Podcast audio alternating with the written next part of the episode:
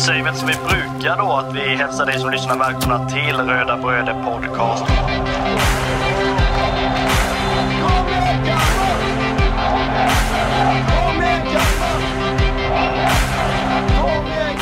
Vi är ju tre bröder som eh, driver en podcast som heter Röda Bröder Podcast. Eh, det är jag, Kristoffer Karlström, och det är min lillebror Marcus och min andra lillebror Andreas. Podcasten handlar bara om Kalmar FF.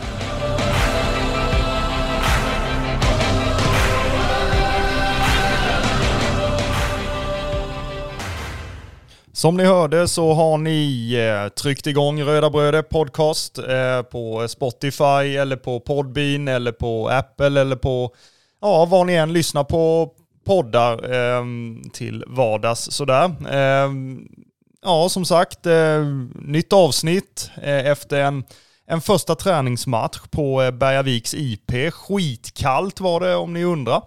Eh, om ni var som min min lillebror och tittade på Barometerns sändning istället. Eh, Men ja, vad sa du, höll den till 55 minuten? Ja, jag vet inte vad det var riktigt. Det var väl väldigt... Eh, nu vet jag inte vilka krav man ska ha när det är liksom lokaltidningssändning. Liksom. Det, är- det är ju inte den... Det är ju inte den kvaliteten som det är när man brukar titta överhuvudtaget. Men det är... Jag vet inte, väldigt eh, dåligt. Antingen så var det mitt internet som total fallerade eller så var det fleras internet som fallerade också. För det var, det var tydligen inte bara jag som hade problem med den sändningen. Men det, Nej, själva sändningen eh, för mig dog där runt 50-50 någonting. Och då hade man ju startat om och börjat om och stängt av eh, wifi och bytt kablar och det ena med det andra från ja, i fem tillfällen ungefär. Men det nej, på det sättet längtar man tills det är någon annan som sänder matcherna.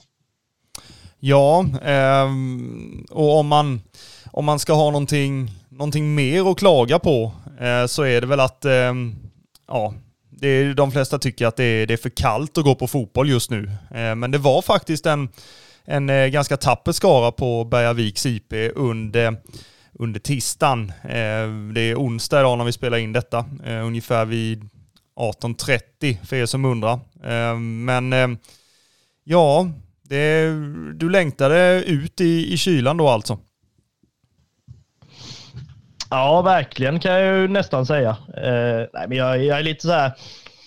på- bara någon dag så har liksom all snö regnat bort. Så nu är det ju liksom eh, slask och vattenpölar över halva stan igen. igen. Men det är ju det är lite så här novemberväder fast det är i slutet av januari kan man ju säga. Men det är, nej, jag längtar ju till dels till det är några andra som sänder matcherna. Det händer ju snart, men också att matcherna kan ses live. Liksom. Nu var det väl av förklarliga skäl att jag inte kunde komma och titta då eh, igår, men det får man ju försöka lösa till nästa, nästa match. Ja, det får vi ju se till. Eh, Så att du, du får se en, en hel match med Kalmar FF. Det hade ju varit eh, väldigt trevligt. Men eh, som sagt, ni ska vara välkomna till, till detta avsnittet eh, där vi ska prata ner matchen mot eh, Kristianstad FC eh, som spelades då på, på eh, Bergaviks IP. Eh, två olika älver eh, kom ju ut till eh, ja, både första och och andra halvlek eh, med lite mixade eh, mellan U19 och eh, A-lagsspelare. Eh, så att det skulle vara så, så jämnt fördelat som möjligt. Vi vet väl historiskt sett att det har sett lite olika ut på försäsongsmatcherna när det kommer till, till eh, upplägget kring startelverna och speltiden för spelarna. Ehm, att man har spelat med en, en lite mer renodlad första elva eh, med de flesta A-lagsspelarna och sen har U19-spelarna fått hoppa in i, i andra halvlek och, och fått visa upp sig. Eh, men ehm, ja, vad säger du om upplägget kring detta? Jag tycker, jag tycker det var väldigt positivt. Ja, men det tycker jag väl. Alltså det var väl ändå det som var det tydliga, att vi, vi ska på något sätt bara eh, försöka och, eh, Eh, och vad heter det, lufta spelare som nästan var det som vi tänkte att det är väl det här som kommer inträffa. Eh, och det tycker jag väl ändå att ja, men är, helt rätt. Eh, man behöver ju inte på något sätt hitta någon första eller andra uppställning sådär liksom tidigt. Ehm, eh, men Sen blir det väl också så. Man har ju inte kunnat träna på helplan särskilt många tillfällen och det är, eh, lite små skador på vissa spelare, så det är klart att det är ju ingen det är väl ingen av de här älvorna som liksom man kan baka ihop till någon form av, av startelva eh, eller så under säsongen. Men om, om inte annat så kommer det ju kanske mynna ut i någonting. Eh, och det hoppas jag ju framförallt om man fick se de yngre spelarna som ändå jag tycker är alltså de mest intressanta att se i de här träningsmatcherna som är i början. Man vet vad liksom spelare som Romario, som Gojani och de här spelarna kan åstadkomma. Så därav är det väl mycket mer intressant att se de yngre spelarna som man kanske inte har sett jättemycket. Nej, eh, och sen dels de här spelarna som som har suttit en del på bänken också eh, och inte har fått speciellt många chanser under 2023. De, de ville man ju se vilka, vilka steg fysiskt sett Eh, de har tagit och, och, även hur, hur taggade de ser ut att kunna ta en plats i år.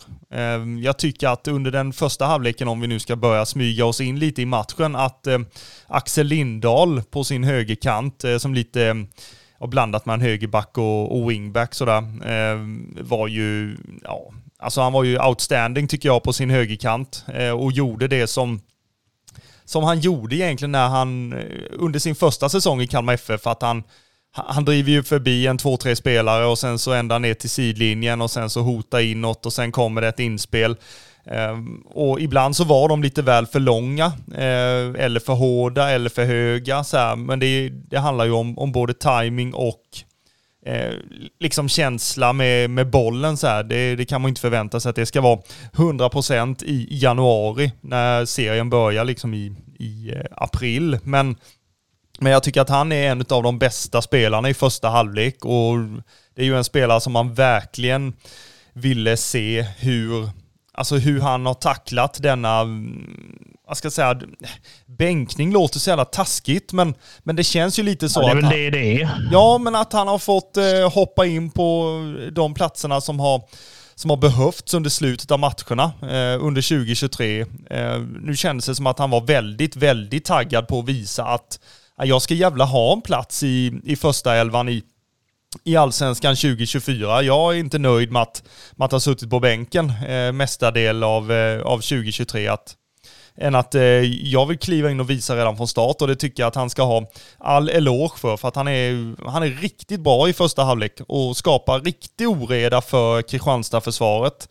Eh, sen är det just det här i, i sista tredjedelen att han Ja, alltså inspelet är ju inte 100% eh, och det, det såg man väl i i andra halvlek också, men, men eh, speciellt i första att eh, ja, det är liksom ingen där inne i, i boxen som är någon, någon renodlad nummer nio och det är ju klart att alltså den jakten pågår ju på Jörgens eh, arbetstimmar som är typ dygnet runt så att det, det vet vi att det kommer att, att, att trilla in en sån, men äh, första träningsmatchen är ju det är mycket, ja, Alltså förväntningar låter ju också konstigt, men man, man har ju förväntningar och förhoppningar när man ser Kalmar FF spela oavsett vilket, vilket motstånd det är eller vilken tid på året det är. Samtidigt som man är så riktigt glad över att matcherna över att matcherna är igång. Det är ju någonting man verkligen har, har längtat efter sedan sista omgången i Allsvenskan förra året. Ja, men så är det ju. Det är väl det som är, höll på att säga, alltså det, bland, det är så blandade känslor. Å ena sidan så är man jätteglad att man äntligen får se laget spela igen. Å andra sidan liksom är, har man lite höga krav då med att det ska se så fruktansvärt bra ut. Eh, vilket det liksom av förklarliga skäl inte gör. Sen kan man ju på säga jag som har nära till min pessimistiska sida också när, när man ser matcher så är det ju Alltså ja, man kan släppa in mål och man, man ska Alltså, man kan se det som att men det här resultatet spelar ingen roll. Nej, det gör det ju förvisso inte. Eh, och jag har liksom inga problem att förlora alltså matcher om det liksom är alltså att motståndarna gör det väldigt bra. Men är det så att man förlorar matcher för att vi gör saker och ting dåligt, då är det liksom då, då ska man fan ha det, liksom, känner jag. För det, Alltså får du ett skott från 30 meter som sätter sig i krysset, ja det är mer motståndaren som gör det bra egentligen. Men liksom lämnar du någon fri i mitten och det är alltså spelsystem hönsgård mer eller mindre, då är det liksom ditt egna fel. Ja, och det är ju det är därför det är lite, alltså man känner att det är, man har kanske lite höga krav så här på, på första träningsmatchen när det just är, är mixade elver, eh, blandat då A-lagsspelare, U19-spelare.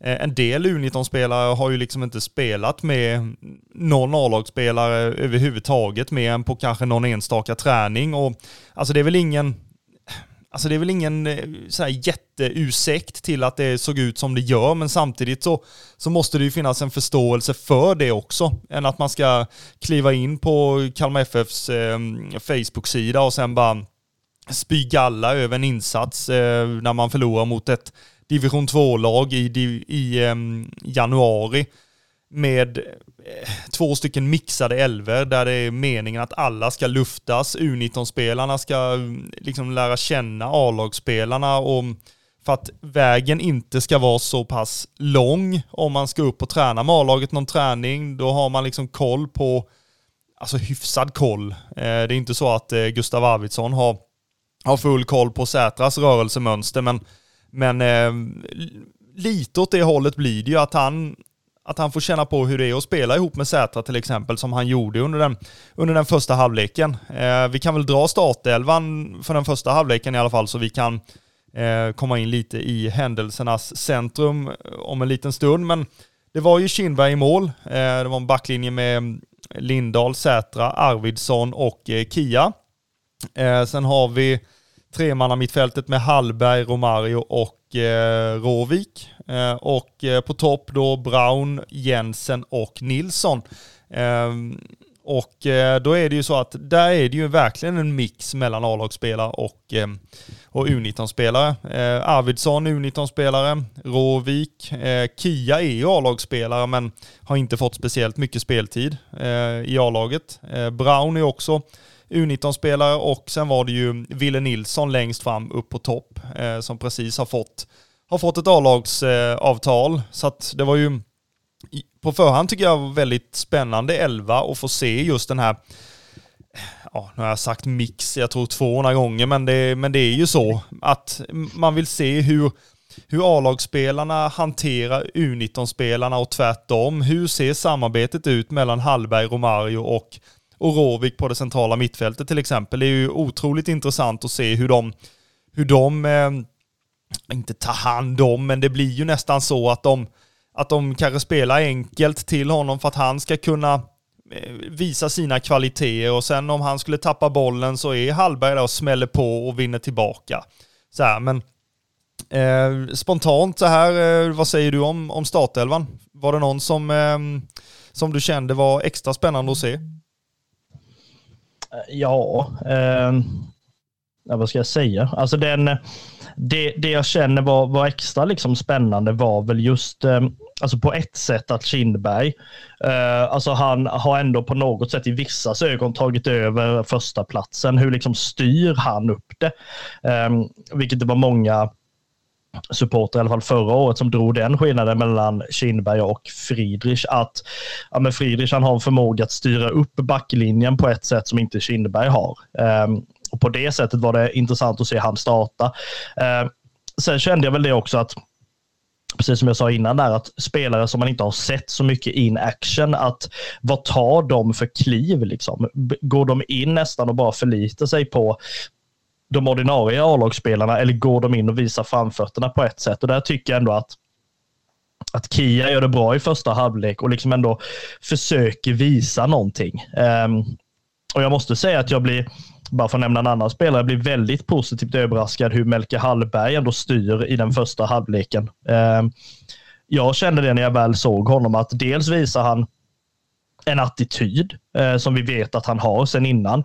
Jag tycker också att han visar en, jag höll på att säga attityd igen, men faktiskt en attityd som är lite det här som vi har efterfrågat av en, av en lagkapten att det är en stolthet i liksom spelet på något sätt. Det spelar ingen roll vad det är för spelare och han trycker ju gärna och eh, smäller gärna på en extra gång liksom, på, på ett sätt som jag känner att det är en spelare som blir väldigt viktig. Ehm, så att vi inte bara har spelare liksom i mitten som är lite de här finlirarna istället, liksom där det dansas och hålls på med bollen, utan någon som ja, höll på att säga, tar med sig den här skotska spelstilen till, till Kalmar. Liksom, och ja, Springer du förbi mig så, så sänker jag dig istället. Liksom. Och samtidigt också alltså, verbalt går in Ehm, och visa någonting. Jag menar, visst, många på, pratar om att Simon Skrabb ska vara ett kaptensämne och ja, absolut och sådär. Men det är också att jag vill kunna ha den att du ska höras massor.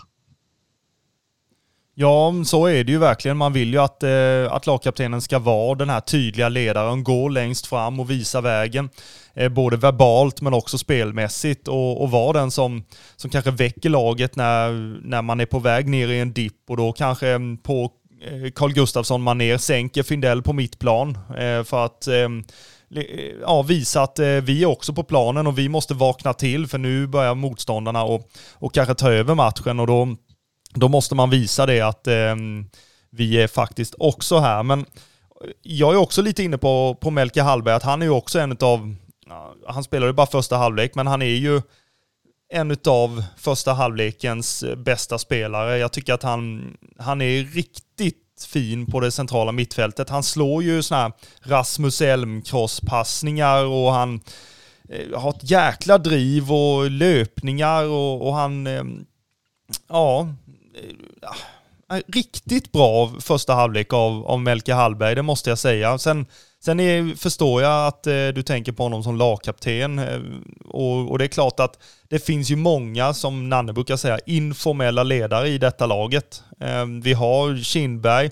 Trots att han inte har spelat speciellt mycket så har han en ganska, ganska hög status i laget, i truppen. Eh, så att de, eh, de lyssnar ju på honom och han, jag tycker han styr sin backlinje på ett eh, väldigt fint sätt. Eh, och även Sätra är ju också en sån informell ledare som är grymt viktig för gruppen. Eh, och även då Melke eh, som också gör en riktigt fin eh, första halvlek. Sen eh, jag måste nämna alltså de här tre längst fram, för i början så kan man, eller på förhand så kan man tycka då att Ja, alltså det är ju inga, det är ju inga lirare som eh, är på något sätt lika så här, Hymmet eller, eller Mileta Rajovic, men det är ju en, en jäkla speed i de här tre. De är ju riktigt snabba och, och bolltrygga och eh, kan göra sin gubbe och i pressspelet så, så är de ju vassa liksom. Eh,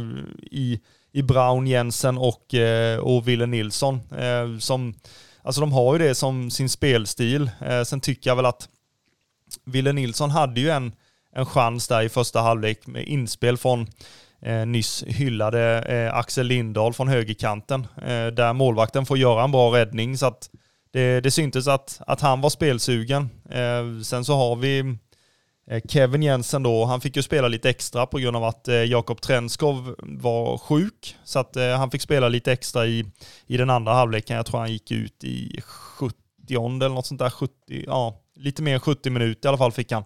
Ehm, och, och, har väl någon chans i, i den andra halvleken också att, ehm, att stänka dit bollen. Men slår ju en assist i, i andra halvlek. Men det, det kommer vi lite till, till senare då. Men Eh, sett till eh, den första halvleken så, så är det ju ett, ett bollinnehav på 90% mot 10 typ utan att veta. Eh, det känns ju som att, som att Kalmar FF efter deras ledningsmål är ju, den, är ju det laget som, som tar över fullständigt och, och det blir den matchbilden som man, som man förväntade sig på förhand att, att vi skulle ha bollen hela tiden och Kristianstad eh, ligga lågt och, och satsa på kontringar. Eh, precis som eh, vilket sånt här Eh, ja, lag som, som helst från den divisionen när man möter ett, ett allsvenskt lag med bolltrygga eh, spelare i. Så att, eh, det syntes ju att man, att man satsade på sina kontringar för det kom ju ja, en två, två sådana kontringslägen i den första halvleken där, där Kalmar FF har haft bollen eh, väldigt, väldigt länge, spelat från sida till sida. Eh, det har inte kommit något avslut, det kanske är något inspel som går lite för långt och sen så Eh, sticker deras eh, forwards i djupled och sen kommer det en långboll och sen, eh, ja, men vi hade ju ganska bra koll på dem ändå så att eh, det var inga sådana här större farligheter efter deras, efter deras ledningsmål. Ehm, utan jag tycker att vi, vi har ju väldigt bra kontroll på matchen men det är just då man vill att det ska alltså det ska hända någonting mer. Ehm, och inte att vi ska bli för bekväma med bollen, för det är ju det som är risken att ja men Kristianstad står ju bara där och väntar. Eh, så att då är det vi som måste driva upp det. Och, och, jag tycker att vi gör det fram till den sista tredjedelen där, där tajmingen inte är 100% alla gånger, men det kanske man inte kan, kan räkna med i januari såklart.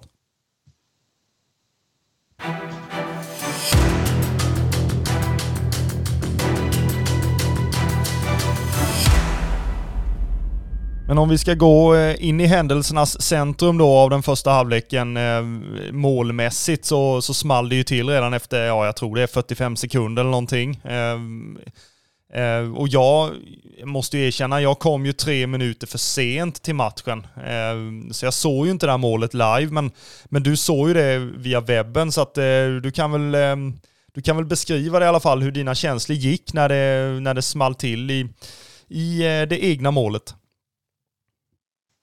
Ja, nej, men på något sätt så hade jag satt mig ner och bara kände det att det här ska bli spännande att se. Bara vi liksom inte går ut och är nonchalanta i början liksom, och tror att det här bara ska bli enkelt och, och något liksom finlir bara. Och det är väl lite så man kommer ut, eh, tycker jag det känns som i början. Det är alltså passning ner till till egen målvakt där Kindberg inte är på tå överhuvudtaget. Och då tänker man att okej, okay, nu har vi väl vaknat till efter de tio sekunderna. Men nej då. För då kommer det passning ut till Romario som tror han är själv på hela Bergavik mer eller mindre. Och sen slår en passning rätt i gapet på en Kristianstad-spelare så sätter 1-0.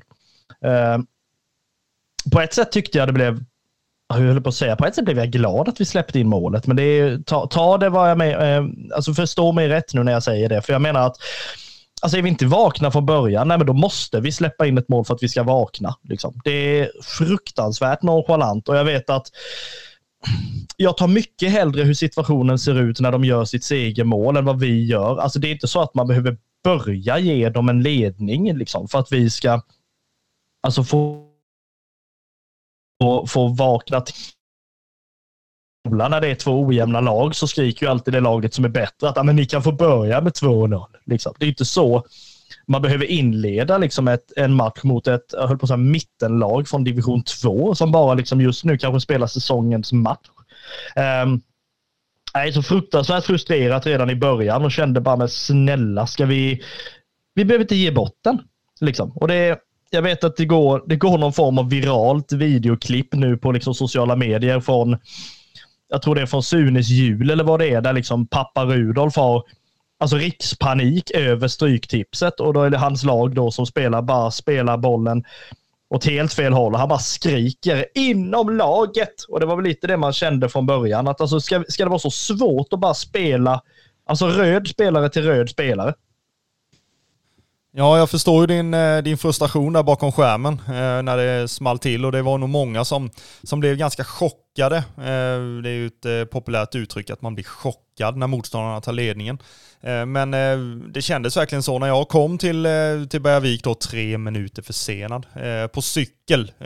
då, ehm, då stod det ju 0-1 på tavlan och då, då fick man ju det beskrivet för sig hur det här målet hade gått till och det var ju en, en felpa, felpassning i ehm, i eget straffområde som eh, ja, bara Kristianstads anfallare snappade upp och eh, skickade in. Eh, så att det var ju väldigt en väldigt snöplig början måste jag ju säga på, på den här matchen. Men som jag sa innan så tycker jag att Kalmar FF tog över ganska rejält då efter det här ledningsmålet. och det är ju liksom, det är handbolls-EM nu och det är ju väldigt många likheter med Kalmar FFs anfall i den här matchen mot Kristianstad. Att att vi, vi spelade väldigt mycket runt. De fick eh, jaga rätt så mycket. Vi bytte kant eh, och sen eh, inspel då i, i den här populära assistytan då eh, på kanterna i, i straffområdet. Och, eh, och sen saknades ju tajmingen eh, hos, hos anfallarna eller de som skulle löpa in i straffområdet på de här, på de här inspelen, vilket gjorde att eh, Kristianstad kunde kunde avvärja de anfallen och sen eh, ja, var det tillbaka igen precis samma veva. Så att det är ju en, ett bollinnehav på 90-10 ungefär, eh, precis som jag sa innan. Så att det, det är ju så första halvlek, första halvlek ser ut. Eh, och eh, vi har ju varit inne på de spelarna som vi, som vi väljer att, eh, att hylla.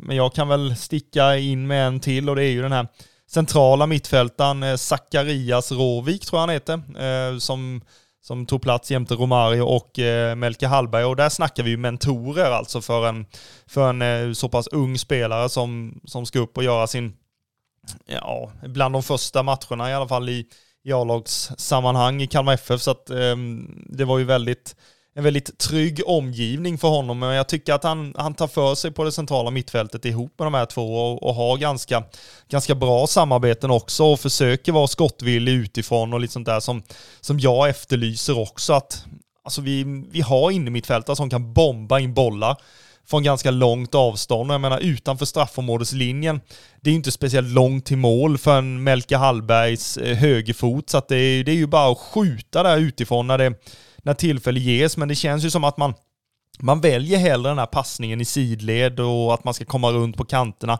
istället för att kanske skjuta och riskera att skjuta i täck och det blir en kontring i, i häcken och sen eh, är det, står man där som, eh, ja vad ska jag säga, eh, med dumstrut, men det är, man måste ju liksom pumpa även det eh, och inte bara spela i sidled eller sådär, utan eh, vi kan ju göra mål utifrån och jag tycker att de här spelarna som har just den, den kvaliteten, eh, bland annat Melke Hallbergs tillslag, det är ju oerhört fint. Jag menar, han har gjort, gjort ett antal mål utifrån straffområdet så att eh, Melke, ett tydligt besked, bara skjut, för du kan verkligen skjuta.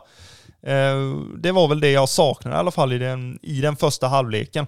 Eh, jag vet inte, har du någonting mer att, att lägga till där innan vi går vidare till den andra halvleken? Nej, egentligen inte. Ehm, det, det är väl egentligen det att man, man blev ändå glad över att man, man fick se att men, Axel Lindahl tar ändå steg på högerkanten, att han vill. Sen är ju han, som vi har sagt, i alla fall utåt sett bättre offensivt än defensivt. Liksom. Um, och det, det är ju någonting man kan jobba in under denna säsongen, men ändå skönt att se att den här, höll på att säga, frysboxtiden som det kanske var lite under förra säsongen, att det inte liksom har alltså, har tagit ut no någonting liksom, ur hans spel på något sätt. Det finns ju vissa spelare naturligtvis i allsvenskan som blir de petade eller hamnar lite i, i den berömda frysen. Ja, men sen när de väl får spela så är det som att det bara har runnit av dem och de liksom bara, varför? varför? Liksom, de ser ingen mening med att att på något sätt prestera. Liksom. Eh, men här tycker jag väl inte det ser ut så. Det är ju väldigt glädjande. Men eh, vi kan absolut gå vidare.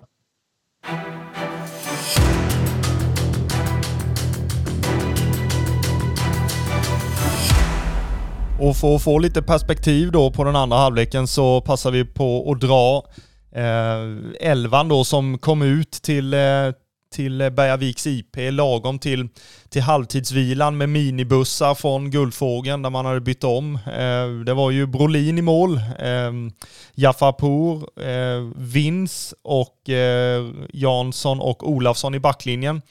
Eh, en, ja, en ganska bra mix där också i, i Arash eh, till höger som, ja, han fick ju en del speltid förra året och, och är spännande på, på högerbacken. Eh, ett mittbackspar då med provspelande Vins, eh, Usuji då som är från Nigeria som ja, tanken är ju att han, att han ska skriva på i april och sen vara med och konkurrera om en, om en startplats i, i den allsvenska truppen. Eh, till vänster om honom spelade Ronny Jansson som, som eh, kändes väldigt spännande. Eh, han kan spela på, på många olika positioner också, mer än mittback. Han kan ju spela till höger, han kan spela eh, på det centrala mittfältet också och såklart mittback då. Och, och jag tycker att det var, när jag såg att de skulle komma ut till andra halvlek så, så kändes det som att här kan det bli riktigt spännande att se. Det är, antagligen så är det bra speed på båda två. Eh, man har ju sett Ronny Jansson i hans inhopp då i, i förra året att det är en spännande spelare när det stämmer för honom och, och man vill ju verkligen se vilka kliv han har tagit eh, och eh, om, om han är närmare och, och kunna konkurrera ut eh, Rasmus och, eh, och Lars Sätra då som brukar spela i, i mittbacksparet. Men ehm, eh, till vänster i alla fall hade man ju en, en väldigt eh, rutinerad herre i eh, David Olafsson. Eh, på det centrala mittfältet har vi, alltså, det, ja, den fina Gojani. Det är, eh, mer ord än så behöver vi inte säga. Sen är det två stycken eh, Andersson, eh, det är Wilmer och eh, William. och ehm, då är det ju så att Wilmer har ju A-lagskontrakt för att vi ska ha det färdigt och, eh, och William Andersson är ju en liten uppstickare då från, eh, från U19. Eh, också en, en, en fin kombination eh, måste jag säga att, att Gojani blir lite av eh, tryggheten på, på det mittfältet samtidigt som Wilmer Andersson eh, förväntas eh, ta lite fler kliv än kanske William Andersson gjorde, men eh, jag tycker att eh, båda två var väldigt spännande att, att se och eh, Eh, ja, framtiden ser ljus ut på det centrala mittfältet. Eh, Tremannaanfallet då, eh, det är ju lagkapten eh, Simon Skrabb då, som hade binden i den andra halvleken. Eh, Lars Sätra hade den i eh, den första halvleken. Eh, sen då Kevin Jensen fick fortsätta då i, i ett antal minuter till och längst fram då Leon Isa som är en, en spelare som det har pratats om i ganska många år i Kalmar FF att han, att han är ett framtidsnamn och, och han har haft eh, storklubbar i Europa på sig och han har varit och provspelat i både Milan och, och Tottenham för att nämna några och det är ju inte det är inte alla som får göra det utan att man, eh, att, att man har en, en ljus framtid eh, framför sig. Så att jag tycker att det var en väldigt spännande andra halvleks elva också att få se. Ehm, jag vet inte, var det någon i, i den andra elvan som du såg fram emot att se? Jättespänd eh, på två spelare, framförallt då eh, Samuel Brolin, ehm, som han heter och ingenting annat ehm, framförallt det, eh, komma från en landslagssamling och göra alltså på något sätt en, ja det är ju första matchen med, med nya föreningen och det, då är det klart att det är spännande att se hur, liksom, hur hanterar han det? Eh, hur, eh, hur ser han ut? Vad har han för spelstil och så vidare? Väldigt, väldigt spännande.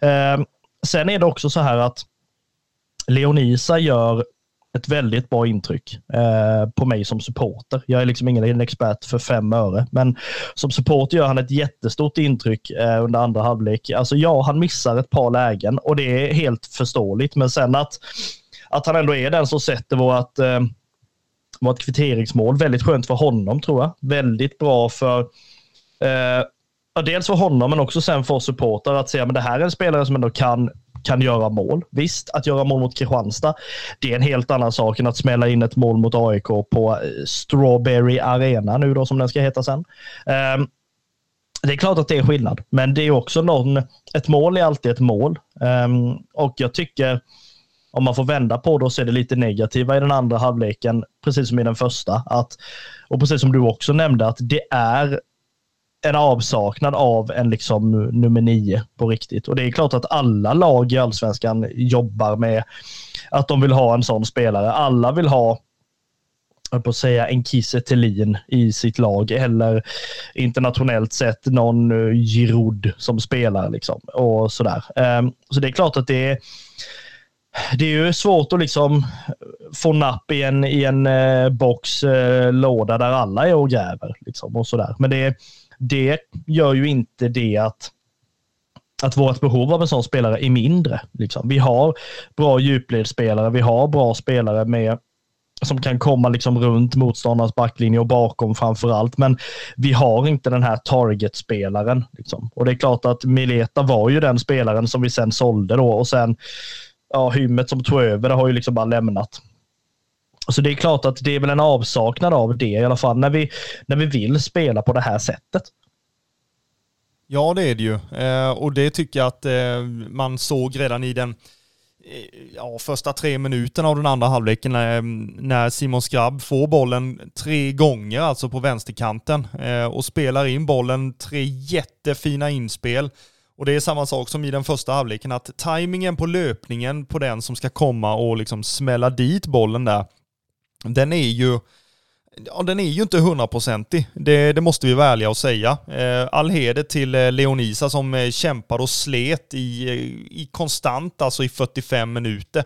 Eh, I både pressspel och, och djupled och allting sånt där. Men det, det, är ganska förståeligt också att samarbetet mellan honom och Simon Skrabb, alltså det, det vore ju helt sjukt om det samarbetet hade stämt till 100% nu såklart, men, men ehm, det är då liksom avsaknaden av kanske hymmet då, eller, eller ja, Mileta, han var ju borta sedan länge, men, men en hymmet då till exempel som, som har sett att Simon Skabb får bollen och redan då kan ta löpningen och tajma in och, och eh, skicka in bollen. Så att eh, jag tror jag sa det i något annat eh, sammanhang eller till någon eh, kompis eller sådär att eh, hade vi haft en, en renodlad nia så hade vi gjort tre mål i andra halvlek. Alltså redan på de tre första minuterna så hade det liksom boom, boom, boom i nätet på eh, Kristianstad, bakom Kristianstad-målvakten. Eh, och då hade vi vunnit matchen eh, helt och, och, klart och alla hade varit nöjda och glada innan man eh, åkte hem eh,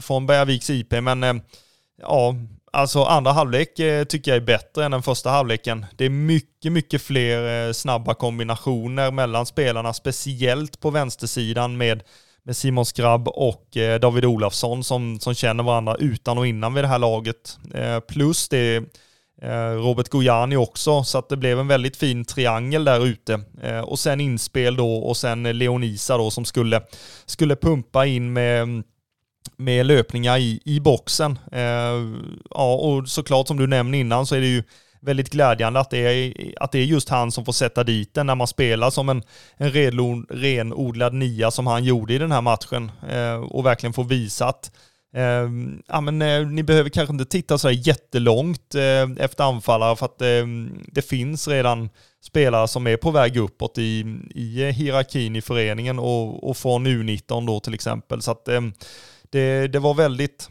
väldigt fint att se det här drivet från de unga spelarna. Eh, och precis innan hans eh, kvitteringsmål så, så har han ju en boll i stolpen dessutom så att eh, han skapade ju två väldigt fina lägen och, ett läge då Eh, resulterade i en eh, kvittering. Eh, men om jag ska lyfta två stycken spelare som jag tycker var bland de bästa i den andra halvleken då så är det ju eh, provspelaren Vins eh, som det kommer att vara delade meningar om tror jag för att han är ju väldigt han är väldigt bolltrygg eh, och väldigt sådär, han spelar med ganska mycket pondus för att vara ganska, för att vara 06, han är ju väldigt ung eh, spelare så att man kanske inte ska ha för höga förväntningar heller, men samtidigt det han visade under den andra halvleken får ju en att alltså ha lite förväntningar på honom. Eh, att han ser väldigt mogen ut i sitt spel. Han har ett lugn med bollen eh, som eh, ja, inte ofta de unga har idag, utan eh, man vill gärna ha de här snabba besluten och, och eh, kanske inte vill ha bollen hela tiden. Men både han och, och Ronny Jansson gör ju en, en fin andra halvlek eh, och Vins är ju en spelare som Alltså det är inga fingrar emellan där, det kan jag ju tala om. Eh, det small ju ganska omgående på, på Kristianstads anfallare när de kom rättvända. Eh, och första tacklingen han, han sätter den är ju nästan, alltså det är ju en bensax typ så här att eh, kom inte förbi mig för då klipper jag dig liksom. Det är en tydlig sån Tobbe C-instinkt att eh, nej, du kommer inte förbi här utan att göra ont. Eh, och det är ju en sån mittback vi, vi kanske har, har efterlyst lite ibland när vi tycker att det har sett lite för tamt ut och man man, man går inte in hela vägen och sånt där, men Vince han bara kliver på och jag, jag pratade med en, en eh, tidigare U19-spelare i, ehm, i Kalmar FF då, en vikarie till oss på jobbet, eh, att ehm, han har ju eh, hört goda ord om den här Vince Usudji då som, eh, som provspelar nu. Och han och det är just där, det är inga fingrar emellan. Han skiter i vilken spelare det är han möter, utan det, det kommer smälla. Och det, det är ju väldigt, väldigt fina lovord för en sån pass ung spelare som är, som är här på provspel och är ganska tidig i sin, eh, i sin fotbollskarriär. Eh, men om jag har en grej till innan du får flika in på, på Ronny Jansson så är det ju att han, han har ett jäkla driv med bollen. Han är otroligt snabb också, precis som Vince är då för att vara mittback. Ehm, men jag tycker att han visar betydligt mer i det offensiva spelet i denna matchen. Att han, att han, eh, när han får bollen så kan han driva förbi första pressen eh, och sen så sätter han en, en, eh, en passning som bryter andra linjen och sen ibland så är det en, en ren en ren djupledsboll från, redan från mittbacken.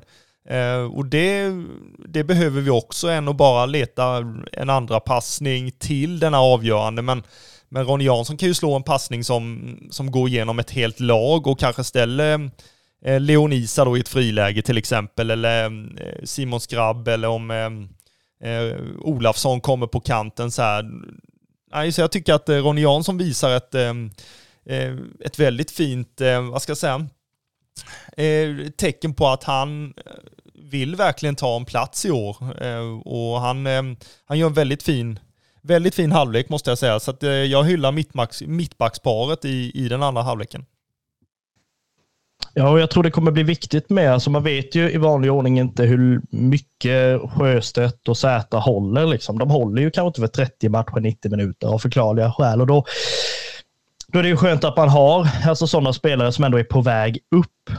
Um, och sen då också som du säger att en mittback nu för tiden är ju inte bara någon som ska liksom nicka bort bollar och och liksom se till att städa liksom i, i, eh, i straffområdet. Utan nu är det samtidigt så att du som mittback kan dra en crossboll eller kan dra en djupledsboll liksom genom hela banan och sen upp till, till en djupledsspringande forward. Liksom. Så det är, det är ju glädjande att det, det är liksom på det sättet man, man försöker spela.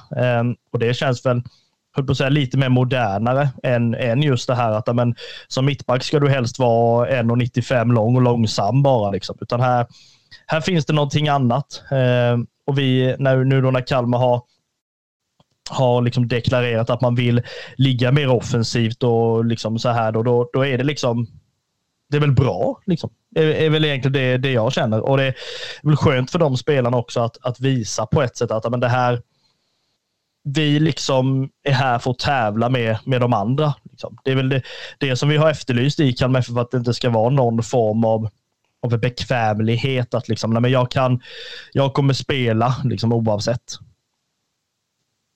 Ja, och jag tror att, eh, alltså inte för att eh, vi ska leta oss in i, i eh, Rasmus Sjöstedt och Lars Sätras hjärnor sådär, men eh, eh, det känns ju som att, att de har varit det här självklara mittbacksparet som spelar 90 minuter i 30 matcher. Eh, och och det, det känns ju som att, att det behöver bli lite konkurrens på den positionen, precis som som kanske vänsterbacksplatsen. Eh, att David Olafsson, det har vi pratat om innan, att eh, vi kanske känner att det behövs lite lite flås i nacken på, på Olafsson i vissa matcher, att han inte ska vara helt sådär eh, alltså trygg i sin position eller i sin, eh, i sin plats i startelvan. Eh, jag tycker väl att eh, Kia då som spelade den första halvleken hade väldigt, väldigt fin speed och väldigt Alltså, ja, bra spel helt enkelt på den, eh, den vänstra, vänstra flanken då, även om det inte blev jättemycket anfall på den. För att eh, av naturliga skäl att Lindahl var på den andra sidan. Men, men eh, vi kan väl konstatera att eh, konkurrenssituationen tätnar i eh, försvarsleden och det är ju, det är ju enbart glädjande. Ja, det är det ju. Eh, absolut, för det är, och det man vill ju ha konkurrensen liksom hela vägen. Och det är, väl, det är väl det jag tycker är viktigt. Dels i den här matchen nu då som ja, i regel inte betyder någonting egentligen, så är det väl skönt att man spelarna kan spela avslappnat. Det är klart att det är skillnad att kanske gå in och få chansen i en avgörande match mot AIK i cupen. Liksom. Då, det är klart att det är lättare att spela mer avslappnat i, i en sån här helt betydelselös match. Men det är klart också att vissa spelare som behöver den här lilla nerven för att överhuvudtaget prestera, liksom, för dem är det ju ja, risken att det blir, att det blir för bekvämt. Liksom. Och så, så vill man ju inte heller ha det. Men, eh, nej, men det är glädjande att vi har den konkurrenssituationen och den tycker jag ju absolut ska fortsätta.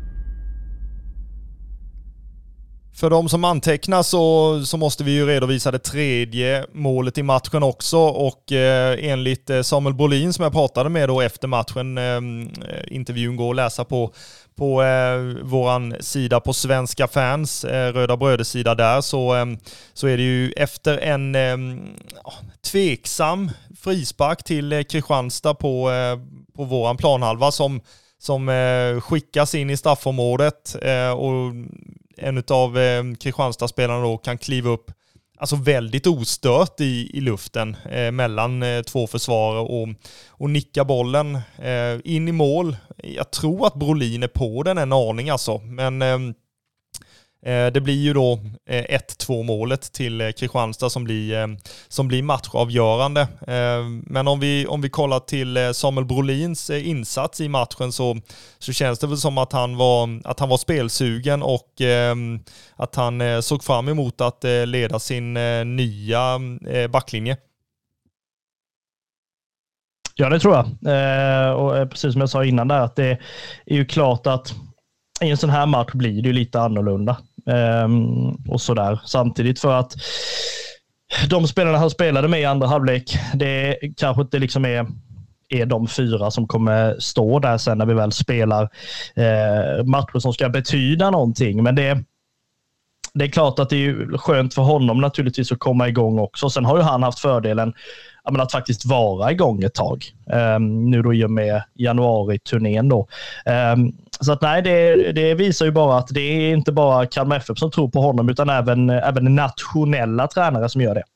Ja, och det är ju väldigt lovande eh, också att, eh, att vi kan knyta till oss en, en sån pass eh, attraktiv målvakt eh, i Samuel Bolin då som, eh, som har varit på lite landslag och sånt där. Och det, Eh, Eh, jag pratade ju med honom om hur den första tiden har varit i Kalmar FF och han eh, betonar ju att eh, omhändertagandet har varit väldigt bra från de övriga spelarna. Han har kommit in i gruppen på ett väldigt bra sätt och, och in i föreningen också och sett fram emot att göra sin första match i, i den rödvita tröjan. Och det känns ju verkligen så, vi har ju nämnt det innan, att det känns ju verkligen som att Samuel Brolin är en, är en målvakt som verkligen vill vara i Kalmar FF och bidra till till eh, föreningen i stort eh, och ehm, eh, spinna vidare på det som eh, vi har presterat under de senaste säsongerna.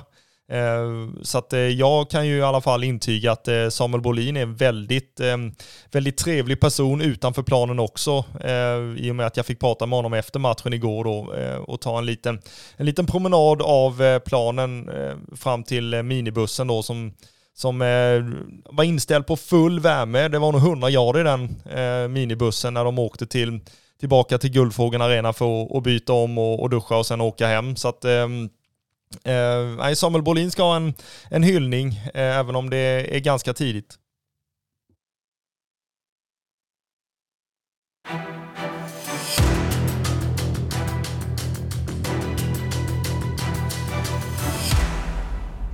Eh, innan vi stänger det här avsnittet så eh, måste vi ju nämna att vi spelar match redan näst, ja, till helgen eh, på lördag innan man, innan man åker vidare till träningsläget i Spanien, Pinatar.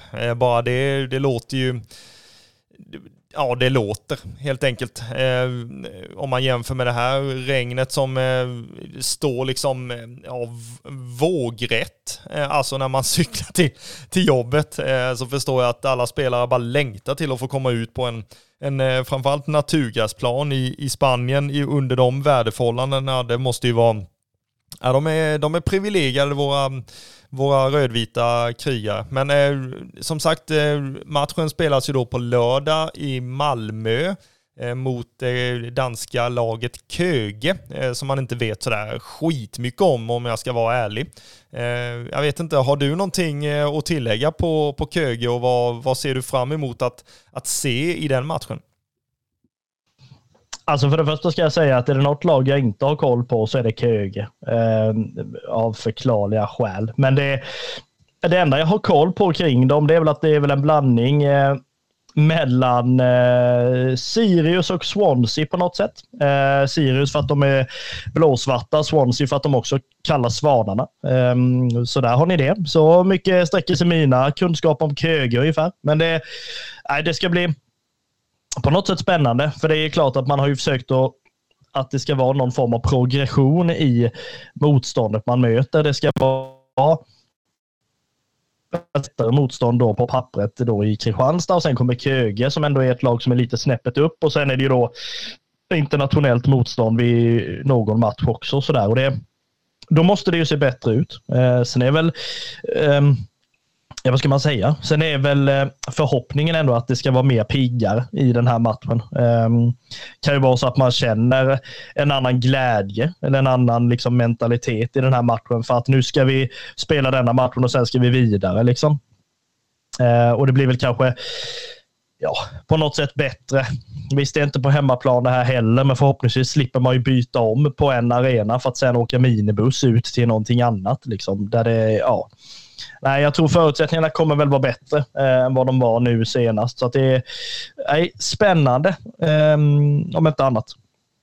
Ja, och det är ju klart att eh, man vill ju se den här progressionen eh, i spelet också som supporter. Att eh, ja, det kommer att gå en, en träningsvecka till eh, och sen så eh, möter man då Köge innan man reser vidare till Spanien och då vill man ju se att Vissa delar har kanske slipats till lite eh, till matchen mot, mot just Köge då, gentemot matchen mot eh, Kristianstad, att man verkligen har, har betat ner den och, och pratat om den och se vad man eh, har gjort eh, som har varit mindre bra och försöka rätta till det till, eh, till nästa match. Eh, men eh, avslutningsvis så, så kan vi väl lyssna till eh, intervjun eh, som jag fick till efter matchen mot Kristianstad och Eh, Eh, det är ju såklart assisterande tränaren eh, som eh, heter Jens Karlsson som vi fick fatt i efter matchen. Och vi får lyssna till hans tankar kring just insatsen mot Kristianstad. Vad är man nöjd med? Vad behöver man jobba mer med? Och samtidigt hur, hur är upplägget kring, kring matcherna samtidigt som vi får veta att hur, hur mycket han längtar till Spanien efter en, en kylig kväll på eh, Bergaviks IP. Så att eh, vi lyssnar på Jens Karlssons eh, tankar. Eh, vi står här efter matchen mot Kristianstad på Bergaviks IP. Vi står här med Jens Karlsson, assisterande tränare. Hur eh, går dina tankar så här direkt efteråt? Eh, ja, då måste man försöka samla lite grann. Nej, men det var väl ömsom vin, ömsom vatten. Det är väl sammanfattningen. Det är, det är väl delar båda halvlekarna som är som är bra och sen är det ju faktiskt en hel del som inte är så jäkla bra. Så att det är väl det som är sammanfattningen just nu. Um, svårt alltid i första matchen. Det är ingen, ingen bortförklaring för att vi förlorar 2-1 men det, det, är speciellt. Två olika elvor, många som aldrig spelat ihop och sådär. Så att, um, ja, så är det väl. Eh, du är inne på det här att det var två olika elver i de olika halvlekarna. Eh, fanns det någon tanke med, med att ha just två mixade elver i, i matchen? Ja, men det var ju att vi ville belasta alla idag alltså ganska jämnt. Eh, alltså att alla skulle spela 45 mer eller mindre. Och det var ju planen fram till Trenskow blev sjuk, så fick Kevin köra lite längre då. Eh, så det var egentligen det och då ville vi match, alltså sätta ihop spelarna så att det blev två, vad ska jag säga, relativt jämna lag då eh, på halvlekarna. Så att det var det som var tanken bakom det. Eh, vi fick ju se provspelaren eh, Usuji, ja, om jag uttalar det rätt. Det, det kan, jag sa Vince, det är lite Vince, eh, på eh, mittbacksplatsen ihop med Ronny Jansson. Hur tycker du att han såg ut i ja, sin bra, halvlek? Bra, alltså Vince har ju, har ju varit här nu några veckor och tränat, eller som vi körde igång egentligen. Och det är jätte, jättepotential i honom tycker jag. Man ska inte glömma bort killen i 06 alltså. Eh, visar att han har mycket och det som är kul med honom tycker jag också att han, man ser tydligt att han, de sakerna han har, vi har gjort i träning, de försöker han göra nästan någon gång kanske någon gång för mycket. Alltså, men man ser den här villigheten att visa att man kan ta instruktioner, att man kan lära sig. Det, det är häftigt för det är inte så lätt att komma som liksom 17-åring från Nigeria till, till den här temperaturerna i Kalmar och spela på en konstgräsplan. Liksom. Det kanske han inte är så van vid. Så att, eh, imponerande tycker jag. Mm. Vi fick ju även se nya målvakten eh, Samuel Bolin i den andra halvleken. Mm. Eh, vad säger du om hans insats? Ja, men han var väl stabil. Eh, gör några bra, in, bra ingripanden med fötterna, sätter igång spelet bra där. Det var skönt för honom också kanske få visa att han har det spelet i sig. Så att, eh, kul, kul att vara igång med honom också, absolut. Vi fick ju se många unga spelare i, i den här matchen eh, och eh, Ville Nilsson och Wilmer Andersson är ju de som har A-lagsavtal idag. Mm. Eh, finns det någon som är nära och nära A-laget från de ungas? Alla som är här är väl relativt nära så kan man väl säga. Alltså närheten är, alltså det är ju upp till dem hur de presterar i framförallt sin vardagliga miljö med U19 liksom och även om såklart upp och tränar med, med A-laget. Men det är ju upp till dem själva hur, hur långt eller kort det steget blir så att säga. Eh, det är väl eh, det. Sen tycker jag att de ska, plötsligt ska, ingen skugga ska falla över dem idag. De, eh, de gör ju sitt bästa och försöker. Det är inte precis som jag säger att det är, det är många nya relationer så det är första gången en A-lagsmatch för många av dem som ska spela med nya spelare som man inte riktigt van vid. Kanske inte spelat på exakt samma sätt tidigare och sådär så att eh, ja, det, det, var kul att se dem också idag, absolut. Mm. Eh, till helgen så är det ju match igen nere i, i Malmö mot eh, Köge mm. eh, innan ni åker till Spanien. Eh, vad kommer fokus ligga på där? Nej, men fokus kommer väl ligga på att lyfta prestationerna ytterligare, att liksom korta ner de dåliga perioderna och försöka utöka de bra perioderna. Eh, ska jag bara dra någonting som jag tycker från matchen idag som vi måste försöka bli bättre på redan till lördag. Så att vi kommer ju till mycket situationer idag upplever jag i eh, kanterna på straffområdet. Men jag har ju otroligt lite inlägg eller inspel därifrån som faktiskt kommer förbi första försvararen. Det är väl någonting vi definitivt måste jobba med i veckan. Att hur ska vi liksom, hur ska det bli en bättre slutprodukt eller ge oss chans för en bättre slutprodukt därifrån. Så det är något vi behöver lägga på eh, till på lördag. Mm. Efter en sån här kall kväll i eh, Bergavik, hur mycket ser du fram emot eh, träningsläget i Spanien? En hel del faktiskt. Ännu mer nu än vad jag gjorde för två timmar sedan så kan man säga. Mm. Tack så mycket Jens och lycka till. Tack själv. Tack själv.